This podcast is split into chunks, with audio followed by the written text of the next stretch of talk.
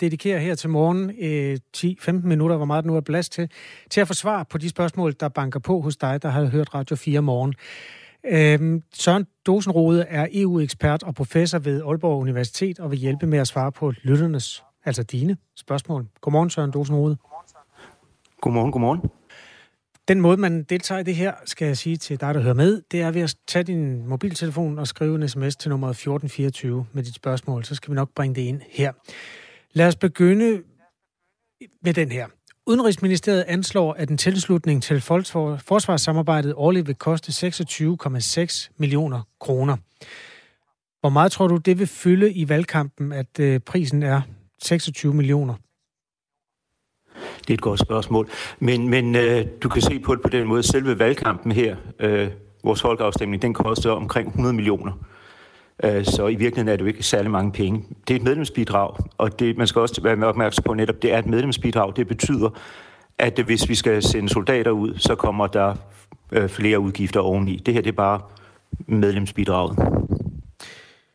Øhm, en sms. Nu hvor vi ikke har været en del af forsvarsfællesskabet i mange år, hvad har vi mistet eller ikke fået fordele af, og hvad vil blive forbedret ved at være medlem, spørger Kasper Tvede. Frem for alt har vi jo ikke været med til at udstikke den kurs, som øh, EU's øh, forsvarspolitik skal have. Det er klart, når man ikke er medlem af foreningen, så kan man ikke bestemme, i hvilken retning den skal gå.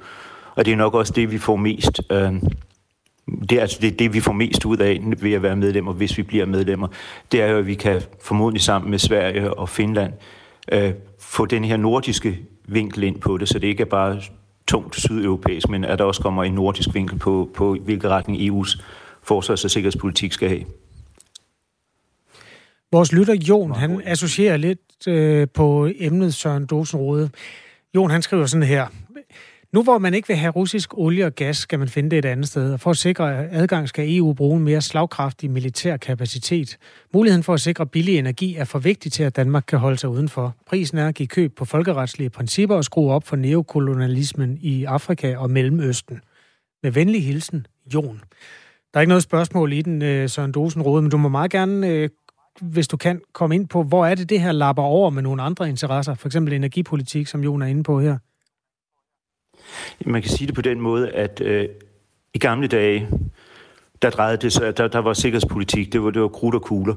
I dag der har vi jo set, det er blevet meget, meget bredere. Man har set, hvordan Putin bruger øh, energi, øh, gas, olie, som en måde at, at presse på og få sin, sin vilje igennem.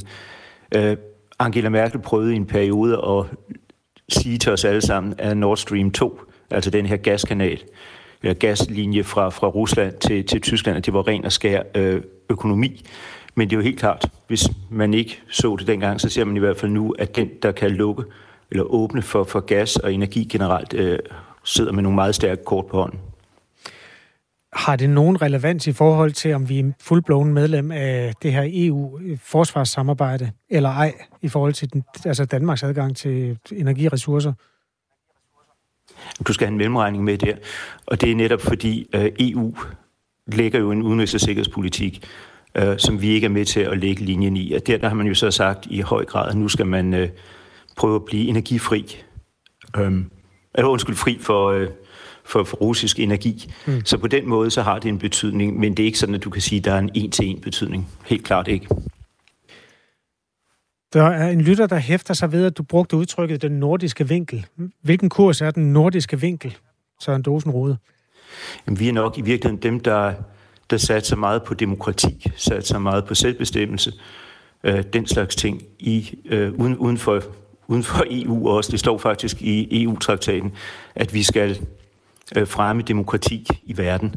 Og øh, det er sådan noget, som de nordiske stater i høj grad lægger vægt på. Øh, måske mindre end, end øh, de sydeuropæiske stater, men det er en af de ting, som, som vi, vi godt kan lide. Bo, øh, Bo i Fredericia, han spørger, kan afskaffelsen af forsvarsforbeholdet være et startskud til et mere distanceret forhold til NATO i fremtiden? Jeg vil mene, at EU selv skal forsvare sig mod eventuelle fjender med et afskaffelse af forbeholdet skriver Bo, og spørger altså, om, om det vil, vil bringe en kile ind i forhold til, til NATO. Jamen, det tror jeg ikke. Øh, fordi der, der er en arbejdsdeling øh, mellem NATO og og EU.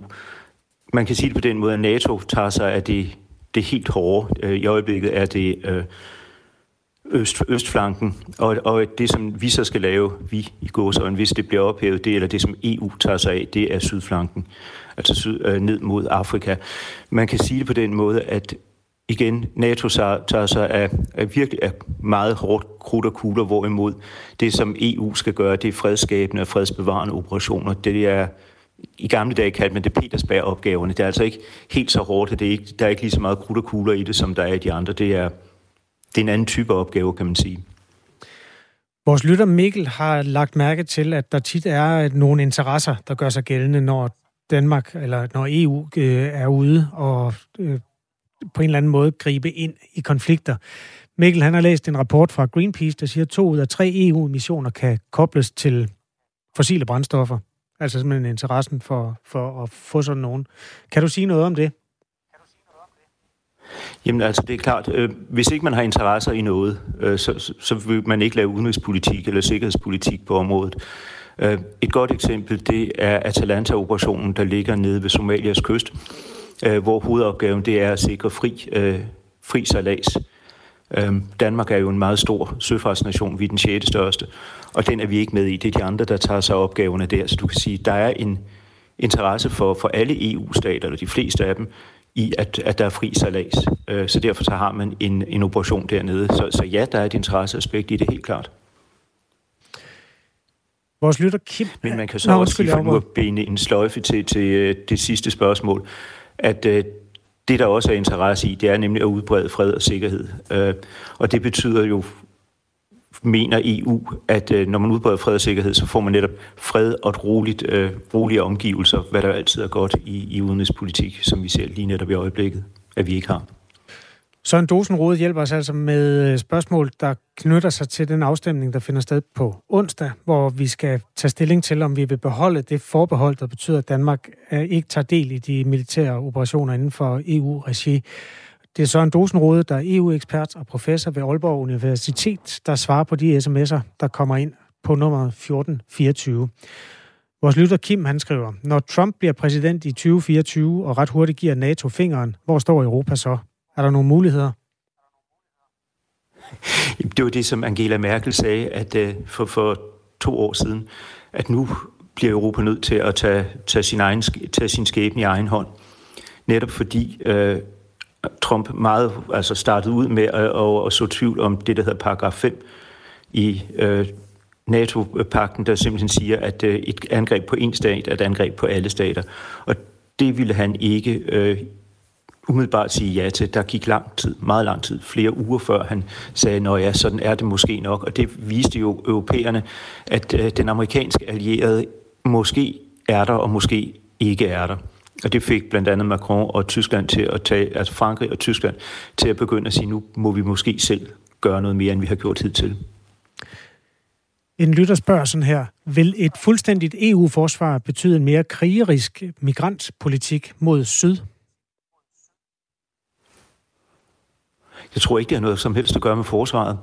Øh, forstået på den måde, at dem, der tager sig af migranterne, eller hvad man nu, hvordan man nu skal sige det, det er det, der hedder Frontex, der er et, øh, nok bedst skal sammenlignes med et grænsepoliti. Så, så forsvarssamarbejdet vil ikke umiddelbart have betydning for det. Og så dog alligevel, fordi der er nogle øh, operationer, eller missioner der i, i Nordamerika, i Nordafrika, hvor ideen er at være med til at stabilisere for eksempel Libyen, øh, således at øh, det bliver mere attraktivt at bo i landet, og derfor at der ikke kommer, øh, kommer så mange flygtninge. Så indirekte vil det måske alligevel være et ja, men ikke direkte. Tidligere var du inde på, at øh, energipolitik for eksempel er et geopolitisk våben, og det får en lytter til at stille det her spørgsmål. Bruger EU ikke også sin handelspolitik som et geopolitisk våben?